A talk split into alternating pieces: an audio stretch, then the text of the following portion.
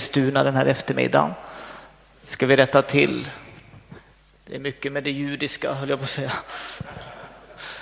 Så roligt att få vara här. Tack för välkomstorden. Och vi, jag ska inte presentera mig själv något längre, men jag bor ju med min familj i Göteborg. Jag har två döttrar, min underbara fru och eh, jobbar där på en skola, en kristen skola.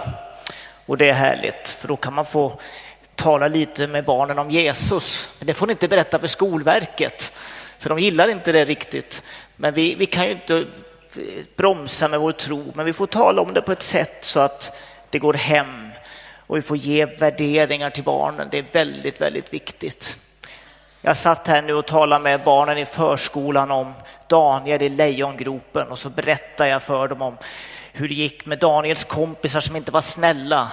Att de lurade kungen så att de skulle kasta ner Daniel i lejongropen. Och så, hur tror ni att det gick för Daniel när han blev nedkastad i lejongropen?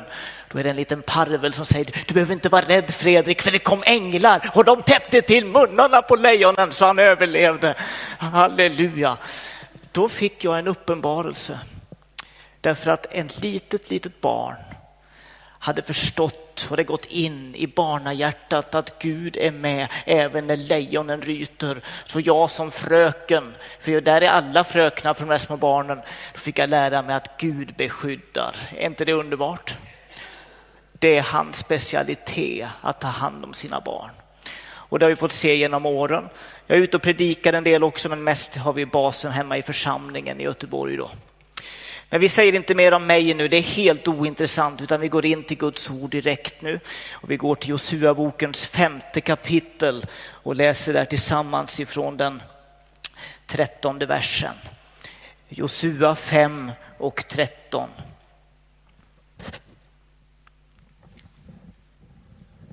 Medan Josua var vid Jeriko hände sig en gång när han lyfte blicken att han såg en man stå där framför honom med ett draget svärd i sin hand.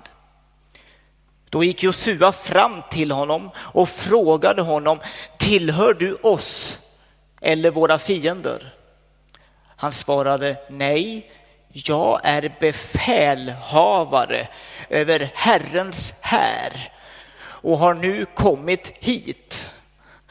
Då föll Josua ner till jorden på sitt ansikte, tillbad och sade till honom, vad har min herre för budskap till sin tjänare?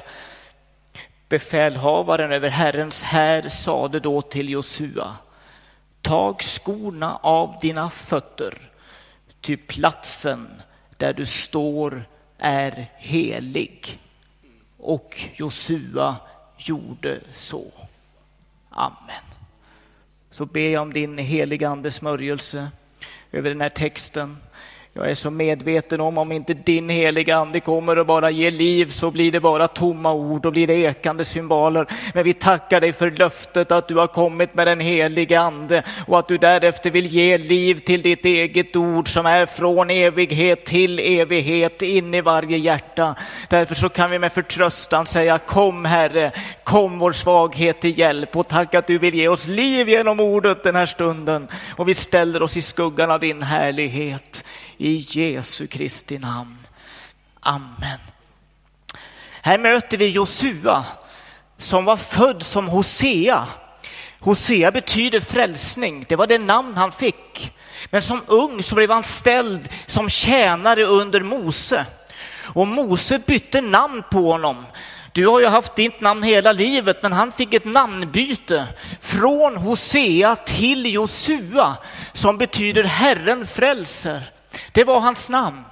Och det är precis samma stam som används i Jeshua i namnet Jesus, Herren frälser. Och hela Josua liv, från det att han kom in i tjänsten, så var det precis en typologi, en förebild på Jesus och hans tjänst som skulle komma längre fram. Och därför min vän så är det oerhört viktigt och lärorikt och inspirerande att läsa i gamla testamentet. För där kommer bilden av Jesus fram på ett fantastiskt sätt. Jesus förebrår de skriftlärda vid ett tillfälle och säger att ni ransakar i skrifterna och tror att ni har liv i dem. Men ni förstår inte att de handlar om mig. Halleluja! För han var med redan i skapelsens morgon. För det står om Kristus i Kolosserbrevets första kapitel att allt är skapat av Kristus, i Kristus, genom Kristus och alla propositioner som finns nästan. För alltihop har med Jesus att göra. Från början till slut. Läser du i Johannes evangeliets första kapitel från början så står det om att han är ordet som är till från begynnelsen. När Gud skapar himlen och jord genom sitt eget ord så är det Jesus som kommer ut genom munnen. Hans eget ord, Jesus själv, han är med från början och allting skapas genom ordet och anden är där och vakar över vattnet och fadern säger sitt ord, tala om att fullheten av Herren är med redan i skapelsen. Och när vi kommer hem, då ska vi till och med få se honom, för de renhjärtade, de är saliga, de ska få se Gud. Och överallt i gamla testamentet ser vi förebilderna, men inte bara förebilderna. Vi ser Kristus själv i gamla testamentet. Det finns flera utsagor, inte minst begreppet Herrens ord. För det står om att Herrens ord kom till mig, står det på många ställen. Och det kan ju vara en sak vi säger, ja, ordet kom till mig idag på morgonen och det var härligt och då tänker vi att det är ett bibelord som blir levande. Men Hesekiel, han säger att Herrens ord kom till mig, han sade. Det är Jesus i gamla testamentet, ordet från begynnelsen som kom. Och Samuel fick uppleva detta Herrens ord. Det var inte vanligt med profettilltal på den tiden, för det var avfälligt folk. Men så står de i Silo att när han hade fått uppleva Guds tilltal så står det att Herrens ord fortsatte att visa sig i Silo. Är inte det underbart? Jesus i Gamla testamentet. Och överallt där det står om Herrens ängel i obestämd form, Herrens ängel kom, så ser vi att det är också Kristus. Jag är helt övertygad om det. Vet du varför? För det står nästan alltid i samband med tillbedjan. Ingen ängel kan få tillbedjan, men Herren Jesus kan få det. Halleluja. I gamla förbundet så är han närvarande. Därför så ska vi inte göra så många moderna som säger att ja, det gamla testamentet det är förlegat och det är gammalt och det är ingenting vi förstår oss på längre. Gamla testamentet är själva nyckeln nyckeln för att förstå det som sker i Nya Testamentet. Och här ser vi Josua som en underbar förebild. Han blev ställd under Mose, under Mose i en tjänst att betjäna honom. Precis på samma sätt som Jesus kom ner hit till jorden, ställd under lagen, född av kvinna, för att betjäna under lagen, för att stå under bokstavligt talat det som Gud hade satt som rättesnöre och norm för gemenskap med honom, nämligen att fullborda lagens krav. Och det kravet är likadant idag som det var när lagen skrevs. Gud kräver absolut laglydnad. Problemet är att ingen har kunnat klara ut det utom en. Halleluja, vet du vad han heter? Ja, det är inte Bengt-Arne i Vingåker eller någon annan, utan det är Jesus som har gjort det. Halleluja! Och det är jag väldigt lycklig för. Det hade varit ganska jobbigt med den här konferensen annars. Precis som Josua är ställd under lagen, under Mose så tjänar han under Mose auktoritet. Men Mose kan inte komma in i det heliga landet som Josua fick i uppdrag att göra. För lagen kan aldrig komma in i det som Gud har tänkt. Lagens uppgift är enligt Galaterbrevet att överbevisa om synd så att vi förstår att vi behöver Guds godhet, att vi behöver honom som har fullbordat och fullkomnat lagen. Och jag tycker det är så underbart, ja, vi går dit, Hebreerbrevet 4. För vet du, den enda som kommer in i himlen, det är Jesus. Och nu blir en del lite chockade här, men det är faktiskt sant. Han är den enda som kvalificerar. Och i Hebreerbrevet så står det här nu, jag tycker det är så spännande. Så det, det här är underbart. Det är också ett citat ifrån Gamla Testamentet. Eh, nej, det är inte kapitel 4, det är kapitel 2. Då står det så här. Eh, han säger i vers eh, 12, jag ska förkunna ditt namn för mina bröder, mitt i församlingen ska jag lovsjunga dig. Han säger också, det här handlar om Jesus, jag ska förtrösta på honom och vidare, se, här är jag och barnen, halleluja, som Gud har gett mig. Halleluja det nya förbundet är framförallt ett förbund mellan fadern och sonen. Där fadern säger till sonen att vill du gå in i döden för de här barnen som inte har något hopp och något liv? Vill du göra det och bli korsfäst för deras skull så ska du få barnen till arvedel. Och det är som att Jesus säger, ja jag gör det, men då ska jag ha barnen med mig också. Då ska alla barnen med mig hem. Ja, säger fadern. Och vet du, då går vi in på Kristi rättfärdighet. Det är därför vi inte har någon egen rättfärdighet, utan vi har hans rättfärdighet. Och där vi står en rättfärdighet av tro i moderna översättningar så står det Guds rättfärdighet blev uppenbarad genom tron. Det är hans rättfärdighet som vi kommer in på. Så vi åker snålskjuts allihopa, halleluja. Vi klarar inte av det, men han klarar av det. Och därför så behöver inte jag ha någon rättfärdighet och försöka rätta till och polera på. Jag behöver inte hålla på med sånt, utan jag kan bara få säga tack käre gode Gud att du är min pappa. Och när Josua har levt där tillsammans med Mose, Mose får se det förlovade landet från Nebo berg. Men där blir han begravd. Gud begraver honom. Men Josua får gå in med folket in i det nya landet. Och då går de in. Det är bara två stycken kvar från uttaget från Egypten och det är Josua och det är Kaleb. Därför att alla andra gick under på vägen och då kan man tycka, vad är det för grym Gud som tar ut folket och låter dem dö? Men det är inte en grym Gud, utan det är en gudomlig princip. Syndens lön är döden. Och det var en högt motsträvig församling som man hade med sig ut i öknen. De längtade så mycket tillbaka till det gamla livet i Egypten, att de flera gånger ville dra tillbaka. Men hos Josua och Kaleb så var det en annan ande. De hade upplevt Guds eget tilltal. De hade blivit utkallade att gå och se, bespeja det nya landet. De hade varit där och de hade tagit med sig av förstlingsfrukten. Och de säger det finns någonting annat än den här öknen som vi går runt omkring i. Det finns ett annat hopp, ett annat liv. Och när Josua får den här kallelsen att gå in och få något av auktoriteten från Mose så går han in. Och det står om folket att de såg på Josua som de hade sett på Mose. Och så gör Gud undret igen. Han hade gjort det vid Röda havet, men när de kommer fram till Jordan så delas floden och de kan gå torrskodda över. Det är Jesus, förebilden i frälsningen som för oss in i det nya livet, i det nya landet. Men det sker genom dopet, det kristna dopet. När vi lämnar det gamla bakom oss så kommer vi in i det som Gud har tänkt. Och det är något ljuvligt i detta med dopet. Och har inte du upplevt den verkligheten så ska du döpas. Därför att det är fantastiskt. Det är inte en religiös handling, utan det handlar om själva livet. Och tittar vi nu här i Josua, Josua-bokens femte kapitel så står det här eh, innan här att de går över floden. Och när de har gjort det så omskärs allt mansfolk. Det hade de inte gjort på 40 år i öknen. Men när de kom in i löfteslandet nu så blev de omskurna. Det hade inte hänt förut. Men nu skedde det när de kom in i det nya landet.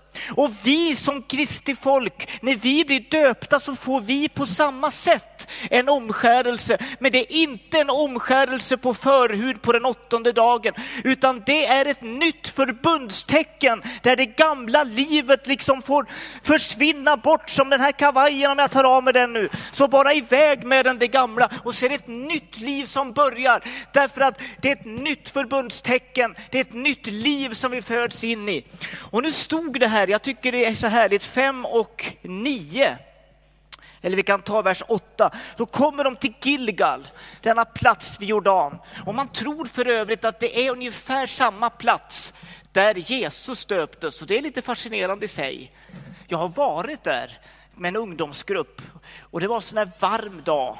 Och då skulle vi ta och bada tänkte vi där, för det var så varmt. Men då kom det någon prelat med skrudar och sa att här kan ni inte bada för det är heligt vatten. Så. Men vi gick 50 meter längre ner och där var det inte så heligt så där kunde vi bada. Det var, och det var väldigt skönt där också. Nu stod det så här. De hade blivit omskurna allihopa. Vers 8 i kapitel 5. När allt folket hade blivit omskuret stannade de kvar i lägret till dess de hade återhämtat sig. Och Herren sa till Josua, idag har jag vältrat av Egyptens vanära från er. Det gick på en enda dag att ta sig ut ur Egypten, men det tog över 40 år att få Egypten ut ur hjärtat. De längtade tillbaka, var det inte till och med för vitlök och paprikor och frukter och grönsaker längtade de tillbaka till Egypten.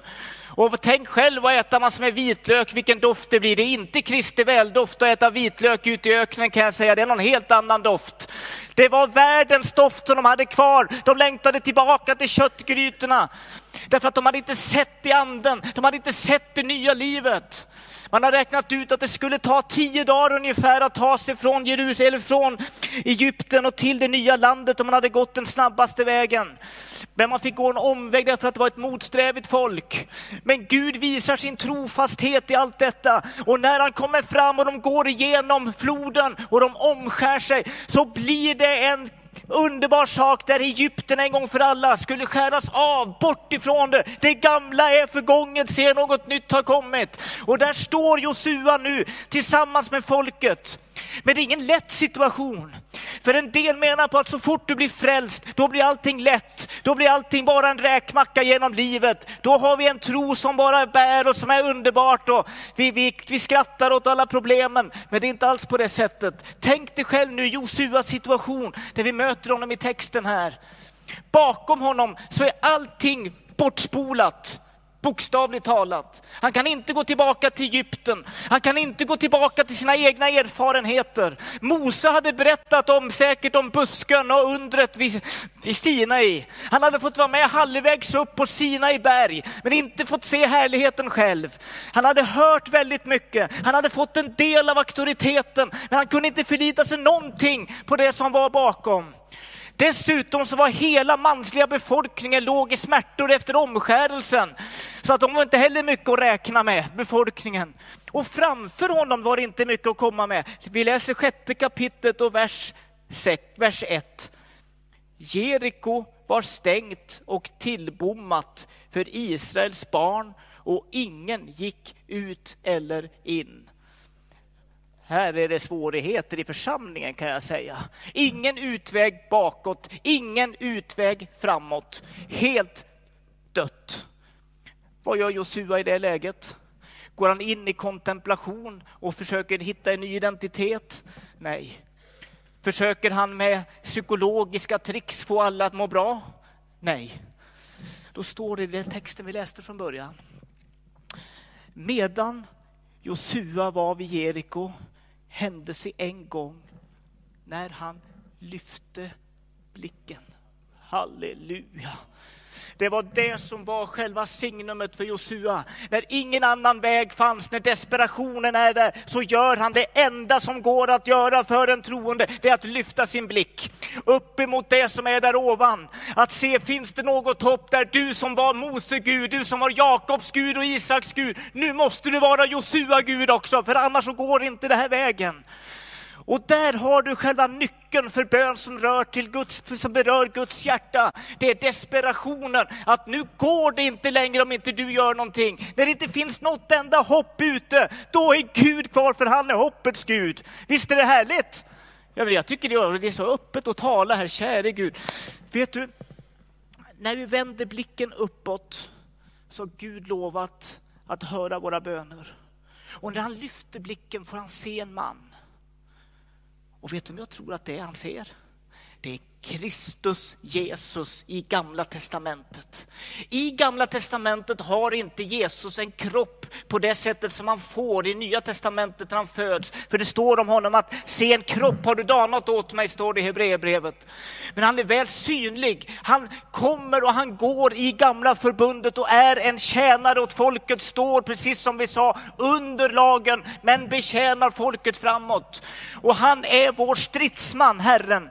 Och nu står han här och det står om att han har ett draget svärd där han står och han får se honom när han lyfter blicken från problemet vid problemet. Och jag tycker det är så underbart. Åh, oh, halleluja.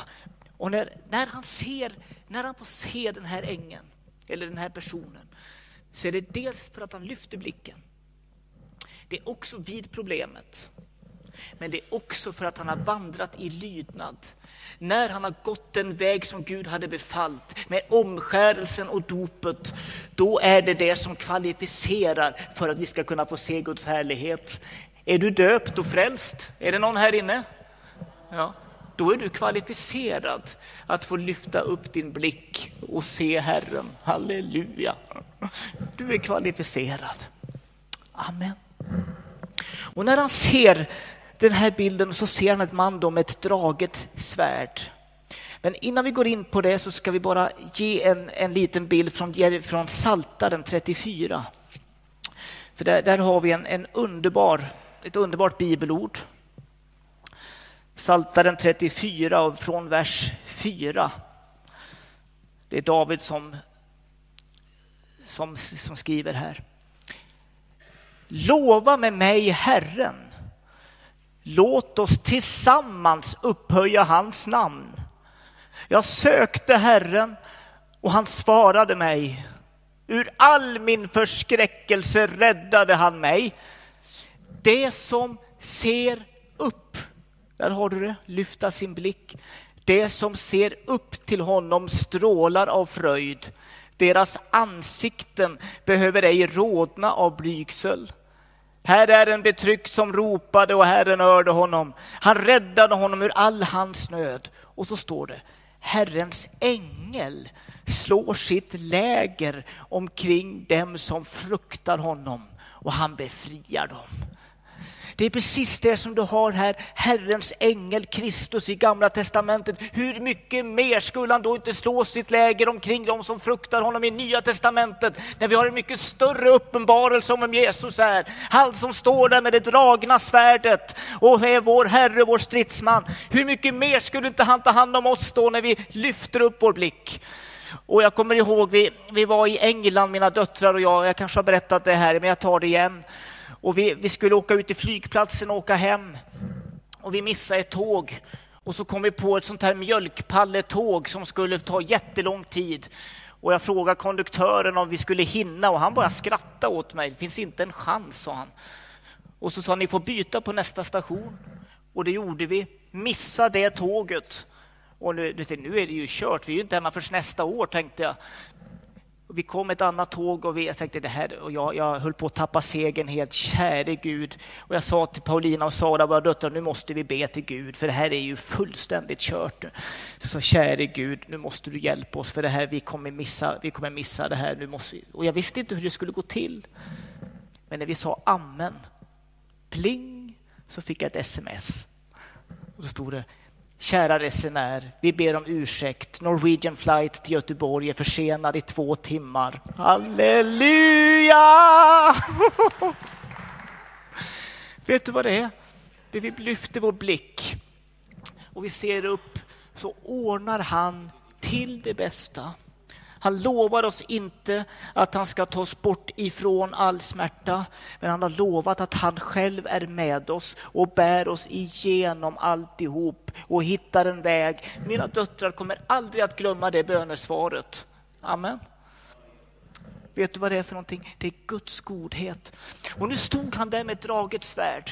Och svärdet i Guds ord, det är alltså Herrens eget ord. Och du har det i Hebreerbrevets fjärde kapitel att, att det är det levande ordet, det är svärdet som skiljer åt. Det är det ordet som är svärdet som utgår ur Herrens mun.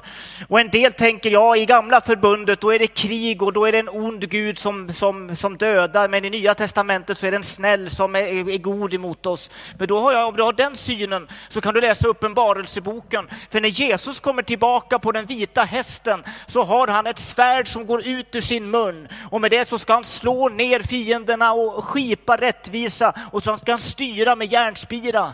Jesus är en stridsman. Han var med i gamla förbundet och han är med i det nya och han strider för sina barn. Och även om det nu är en nådens tidsålder så faller domen eh, över våra liv, över vår synd. Men när vi står där tillsammans med Herren och lyfter vår blick så är svärdet Guds ord. Det är för barnen. Han strider för oss därför att han älskar oss. Och han är den som kommer till oss. Och nu är det intressant att se här eh, i texten här, orkar ni lite till? Ja, ja det var härligt. Du, då, då kommer en mycket intressant fråga. När han står där med draget svärd, då gick Josua fram till honom och frågade honom. Tillhör du oss eller våra fiender? Och det är en märklig fråga att ställa. Men ibland så kommer den där frågeställningen. Jag tänker på Johannes döparen. Han som hade fått döpa Jesus. Han som hade fått vittna om att nu är brudgummen, jag är brudgummens vän. Och nu är den största glädjen för mig, det är att få se att han blir större och jag avtar. Men även Johannes döparen kommer i mörker. Och en dag så ställer han frågan via sina lärjungar. Är du verkligen den som skulle komma eller ska vi vänta på någon annan? Är du verkligen den? Han själv kom in i mörkret. Och ibland kan vi till och med ställa den där frågan. Är du för oss eller är du mot oss? Men det kanske är mer vanligt att, att fråga, är du, kommer du, tycker du om andra samfund också? Eller du är väl mest för oss i pingst? Eller du tycker, tycker om andra också? Eller du, du är väl mest på vår sida? Och så vill vi ha in Gud i fack. Det är bara det att så fort du tycker att du har fått in Gud i ett fack som passar dig, underbart, nu har jag kontroll över Gud. Det är en chimär kan jag säga. Gud är större. Halleluja. Och han, han svarar inte ens på den här frågan, säger ja, jag är med dig. Han säger bara nej. Och så presenterar han sig. Jag är herr, vad är det han säger? Jag är befälhavaren över Herrens här, säger han bara. Det betyder alltså att jag är med dig om du är med mig. Det är det han säger. Den som lyfter upp sin blick och ser in i Herrens ögon, den har Gud på sin sida. Herren strider för dig. Och det budskap som man ger till honom här, det är att från och med nu så är det inte du som är härhövitsman och ledare över Israels folk som, som du skulle trodde att du skulle vara när du skulle föra folket in. Utan nu är det jag som tar över. Det är jag som är Herren. Jag ska föra er in i det här landet och du ska vara stilla vid det och göra det jag säger och följa med mig istället för att själv ta ansvaret. Så han ger ett möte med Josua där som förvandlar hans liv. Han säger att jag är Gud och det stora subjektet. Du ska bara vara med mig och gå med mig och jag ska göra verket. Det kallas för barnaskapet och det är ett underbart tillstånd när Gud blir subjektet och vi får vara med. Halleluja! Och det här var redan förutsagt, för det står i femte Mosebok, i, i Mose avskedssång, i kapitel 31 och från den tredje versen, så står det här när, när Mose talar till Josua, så säger han, men Herren din Gud går själv framför dig. Han skall förgöra dessa folk för dig och du ska driva bort dem. Gud går före och gör sitt verk och sen ska du göra det som Gud befaller att du ska göra. Det är bönens essens, att vi lyssnar in, ger våra liv till honom. Han får vara stor och så får vi göra det som Gud säger. Precis samma sak var det vid Röda havet när folket knorrade och de undrade, har du tagit upp oss hit för att vi ska dö på stranden? Ska vi gå under här vid Röda havet? Men vad är det Herren säger då? Vad är det Moses säger genom Herren? Var stilla han, Herren ska strida för eder och ni ska vara stilla därvid. Halleluja! Sen får Mose uppdraget och det var inte att, att börja strida mot massor med Egypter. Det var inte att gå in i krigföring och binda demoner i Egypten. Det var inte att hålla på med sådana saker, utan räck ut staven. Räck ut staven. Räck ut staven. Gud gjorde undret men när Mose lyssnade in och räckte ut staven så klövs havet mitt i tu. Halleluja! Gud visar att han är subjektet och vi är de som följer. Och vad underbart det är. Det här förstår du, det är själva essensen i det som Gud kallar till. Han fick se mannen med det dragna svärdet. Och vet du, det som han säkert hade hört berättelserna från Mose när han mötte Herren vid den brinnande busken. Ser du, nu kommer det igen. Det finns nämligen ett moment i att Gud möter oss som är tidlöst. När Gud möter oss så är heligheten där. Och när Josua får möta Herren vid Gilgal, som betyder platsen där man avvältrar, så är det en helig plats. Precis på samma sätt som Mose blev tillsagd, dra skorna av dina fötter till platsen där du står är helig mark. Så får Josua sin egen kallelse, låt mig vara Gud och jag ska vara helig på mina villkor. Och när han drar av skorna på den heliga platsen, halleluja, då visar Gud vägen genom att, hur man skulle göra för att inta Jeriko. Är inte det underbart? När Gud får vara Gud, det är helighet. Och vad är då helighet? Jo, det här glaset, det är avskilt för mitt bruk. Det är att vara helig. Jag kan göra vad jag vill med det här vattnet därför att det är avskilt till mig. Jag kan dricka det. Jag kan låta det vara. Jag kan hälla ut över pappa. Men, men då får jag mamma emot mig och pappa och er alla. Nästan alla. Så det gör jag inte. Men det är avskilt för mitt bruk. Vi tänker oss ofta helighet som den här prelaten vid Jordanfloden. Här är det heligt vatten, här kan ni inte bada. Eller här är det heliga ritualer. Men Bibeln har en mycket tydlig bild av tillämpningen av helighet, nämligen Herren Kristus Jesus ska ni hålla helig i era hjärtan. Det är där helighetens essens är. Avskilda för honom, för ett syfte, för det syftet som han vill. Om det kan vara något obetydligt i mänskliga ögon så är jag ändå lycklig om jag får vara avskilt i ett syfte för då är han med mig och ger sin styrka och sin kraft. Det finns inga positioner som pappa sa här. Jo, det finns två positioner. Det ena är att sitta med Kristus i det himmelska. Det är en underbar position. Och den andra positionen är att få vara ett Guds barn som har rättighet att be i Jesu namn. Det kommer man ganska långt på, ända in i himlen. Halleluja! Det är vår räddning. Och nu och här ser vi också då ifrån Josua i boken här när vi läste. När befälhavaren har sagt de här orden. Nej, jag är befälhavare, vers 14. Jag är befälhavare över Herrens här. Så säger han och har nu kommit hit. Halleluja. Min vän, i desperationen så kommer han till dig. Någonstans bland alla skuggorna står Jesus. Någonstans där så står han bara för att få tala frid och få hjälpa dig i din situation. Och detta att ta av sig skorna, när han gör det så är det svaret på frågan. Då står det så här i vers 14. Vad har min Herre för budskap till sina tjänare? Det är precis det där som vi alla är så upptagna med. Vad vill Gud säga till församlingen idag? Vad är budskapet för väckelse och församlingstillväxt? Vad är det som du vill tala om för nya, eh, nya trender och nya former för tillbedjan? Och hur ska gudstjänsten se ut? Ska vi ha genomskinliga talarstolar? Eller ska vi ha av trä? Eller ska vi kasta ut talarstolarna? Ska vi ha nya bänkar? Ska vi ha nya former? Ska vi ha med kavaj? Ska vi vara utan kavaj? Gud måste tala till oss. Hur ska vi vara relevanta i den här tiden? Jag är så trött trött på det talet om att vara relevant. Jag är så trött på det här att vi ska vara världstillvända. Vi ska vara Guds tillvända. För vet du vad det står ju här? Vad har min Herre för budskap till sitt tjänare? Det fanns bara ett enda budskap. Det var inte att så ska ni göra för att inta Jeriko, utan det var att ta av dig dina skor, för platsen du står på är helig mark. Ta av dig skorna. Det är det enda som hjälper i den här tiden. Det enda som gör att Guds församling kan ha ett existensberättigande, det är en helig församling som är avskilda för Gud, som inte frågar efter vad den här världen efterfrågar, som inte frågar efter vad som är gångbart, vad som är comme få, utan som frågar efter vad är relevant för min frälsare. Ta av dig skorna, det är helig mark. Jag ska göra det. Är du beredd att betala det priset, att ta av dig skorna?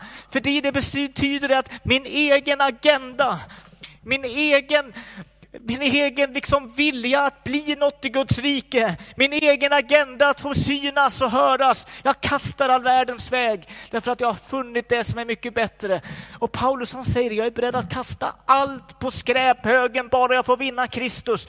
Den bönen, den går till Faderns hjärta direkt. Men en församling som inte är bättre än de andra, men som är avskild och jag är så glad att heligheten handlar inte i första hand om min karaktär och vad jag kan göra, utan just därför att jag inte kan göra så mycket och min karaktär inte är så bra. Är det någon mer här inne som inte har så bra karaktär alltid? Kan ni räcka upp? Ja, det var, ja käre Gud, det finns utrymme för förbön för oss alla här.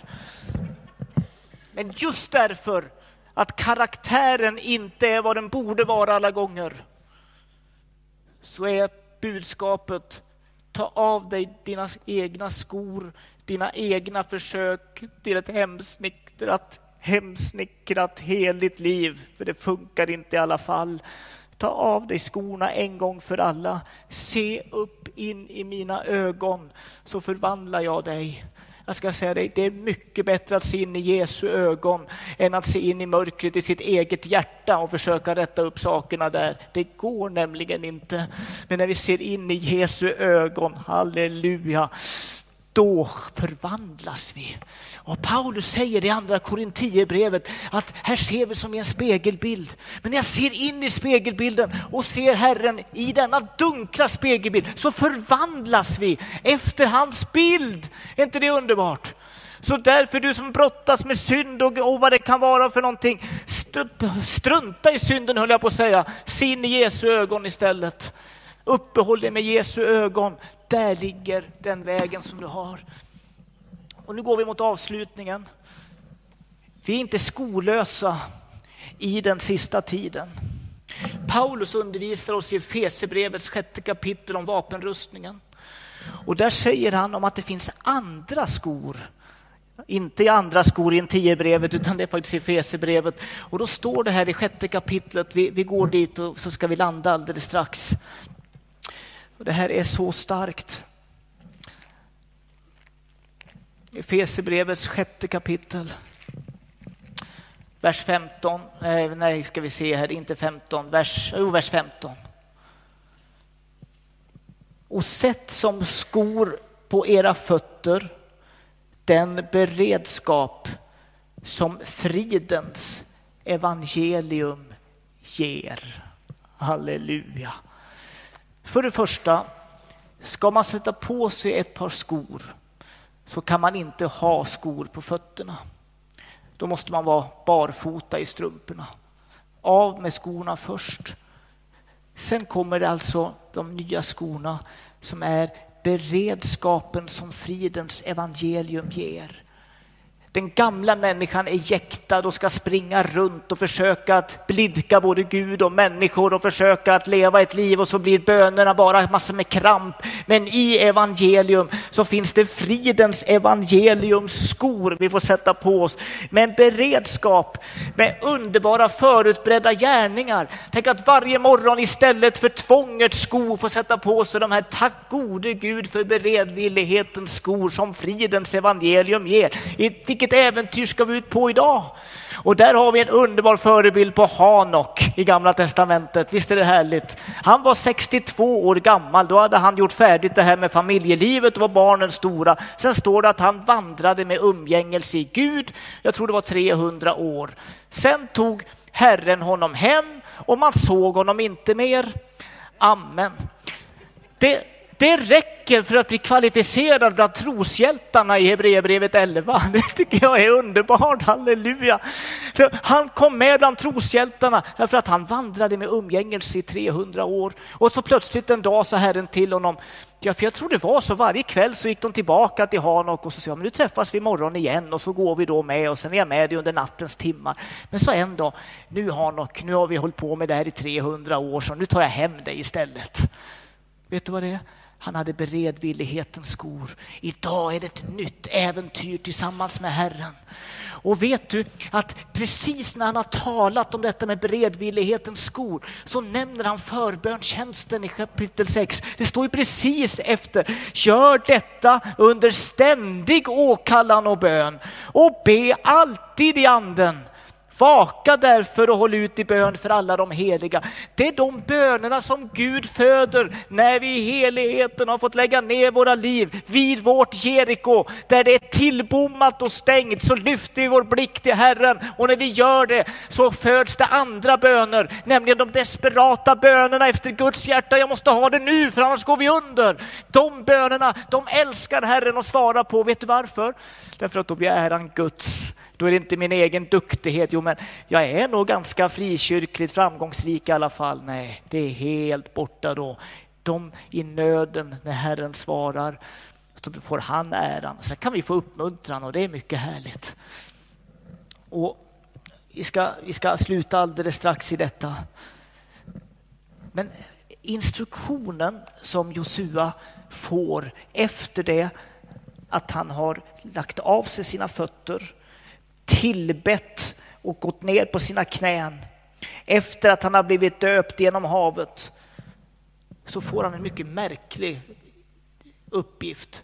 Nu ska ni gå runt Jeriko i sju dagar och ni ska vara tysta, inte säga någonting utan gå sju varv, ett varje dag. Och den sista dagen ska ni gå sju varv och så ska ni upphöja ett härskri. Amen. Jag, jag menar, det är ju, det är ju fullständigt barockt. Det är ju, jag menar, det är ju den här världen fullständigt uppåt väggarna göra en sån sak. Men han hade fått ett möte med Guds helighet. Han hade sett Herrens stridsman. Han hade sett Jesus själv och därför så gick han på det ordet, även att det var vansinne. Precis som lärjungarna, de hade varit ute och fiskat hela natten och inte fått någonting. Men på ditt ord så går vi ut på djupet och lägger ut i alla fall. På ditt ord gör vi det därför att det är du som säger det. Och när han kommer med sådana teser som inte kommer få i det här samhället, då prövas det. Då prövas det. Men om vi går den vägen utanför lägret lägret och följer Guds rikets perspektiv istället för den här världen så leder det till seger. För Gud gör det ingenting. Vet du, det står inte att bommarna till Jeriko, att de öppnades och dörrarna gick upp. Han rasade muren istället. Halleluja! Gud gör precis på det sätt som han vill. Men han leder oss in och därför du som har brottats så länge med din Jerikoport som inte har gått upp. Det du ska göra nu, det är inte gå in och börja liksom kväsa dig själv och hålla på ännu mer. Tag skorna av dina fötter. Låt Gud vara Gud, för det är helighetens essens. Och när vi gör det så gör han verket och då får vi vara med. Halleluja! Åh, vad underbar han är. Halleluja! O Fader, vi älskar dig. Tack för den underbara godheten som du ger oss. Herre, du ser det syskon här i Eskilstuna just nu som står där vid porten vid Jeriko där det har varit så tufft. Det finns inga vägar bakåt och ingen väg framåt och man undrar vad är det som händer. Men jag prisar dig att den uppståndne kommer nu i kraft av det du gjorde på korset. Och du säger bara till oss att nu tar jag över. Jag är här, hövitsmannen över Herrens armé. Jag strider för dig och nu ska du få gå tillsammans med mig. Barantini Sandi. Och om Herren väljer att öppna porten eller rasera passera muren eller om du får gå och hoppa över muren. Det är Herrens väg. Men han ska göra det åt dig. Tibronis, halleluja. Jag prisar dig för det Fader. Och Basendianer Regendini. Fader, vi tackar dig för din närvaro. Och jag ber att den här församlingen och Kristi kropp i Sverige ska få vara en plats av helighet med avskildhet för dig. Herre, jag ber för mitt eget liv, min egen församling. Herre, vi tackar dig Gud för att du vill föda en enhet som inte är byggd på att vi alltid tycker lika, men som bygger på att vi har varit vid korset, att vi ser oss själva och ser varandra som förlåtna syndare. Hur ska jag kunna skälla på min broder när han har fått samma förlåtelse som jag? Herre, jag ber för församlingen i Eskilstuna att du öppnar portarna så att de Rakinia Sambana, för du har lovat att inga dödsrikets portar ska kunna stå församlingen emot. Därför så ber jag dig om en enhet i anden över generationsgränser, över, över Barasandi, över språk och kulturgränser. Jag ber här, jag tackar dig för samma i min församling i Göteborg, i Kristi kropp Gud. Så tackar vi dig för det Herre. Men Herre, tackar du också för oss till den desperationens gräns. Herre, där bara du finns kvar. Och i Jesu Kristi namn så prisar vi dig för det. Halleluja. Och Thomas Sambrendiana Gundere Sindele. Halleluja.